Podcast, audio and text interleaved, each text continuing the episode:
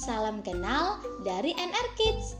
Kali ini kakak akan membacakan sebuah buku yang berjudul Poki Mencari Rumah.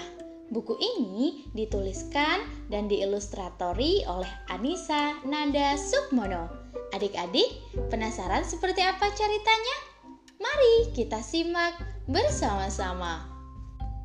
Poki adalah nama seekor kucing. Mencari tempat untuk tidur. Meong, meong. Hah, ada kardus di sana. Kelihatannya bagus. Bisakah Poki tidur di sana?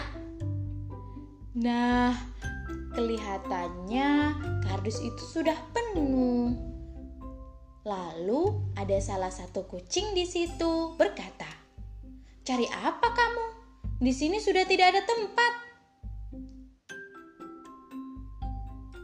Ya, Poki nampaknya harus mencari tempat lain. Wah, itu ada tong sampah di dekat kardus. Meong, meong. Apakah aku bisa tidur di sini?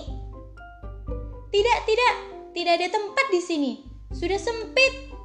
Jawab kucing di tong itu.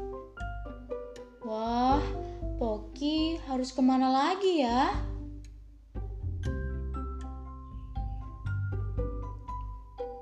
Akhirnya, Poki berjalan lagi. Angin bertiup makin kencang. Mendung terlihat makin gelap. Poki kedinginan. Suara mobil bising sekali. Poki tidak bisa tidur. Wah, kelihatannya hujan akan turun deras sekali. Poki harus menemukan tempat untuk tidur. Nah, ternyata Poki menemukan rumah di dekat situ. Tiba-tiba semua jadi putih dan petir menyambar keras sekali. Poki terkejut. Di bawah sana, api terlihat menyambar. Wah, kardus dan tong sampah tadi ikut terbakar. Untung ada rumah ini. Ruangan yang kecil di bawah atap ini bisa menaunginya. Namun, di sini terasa dingin.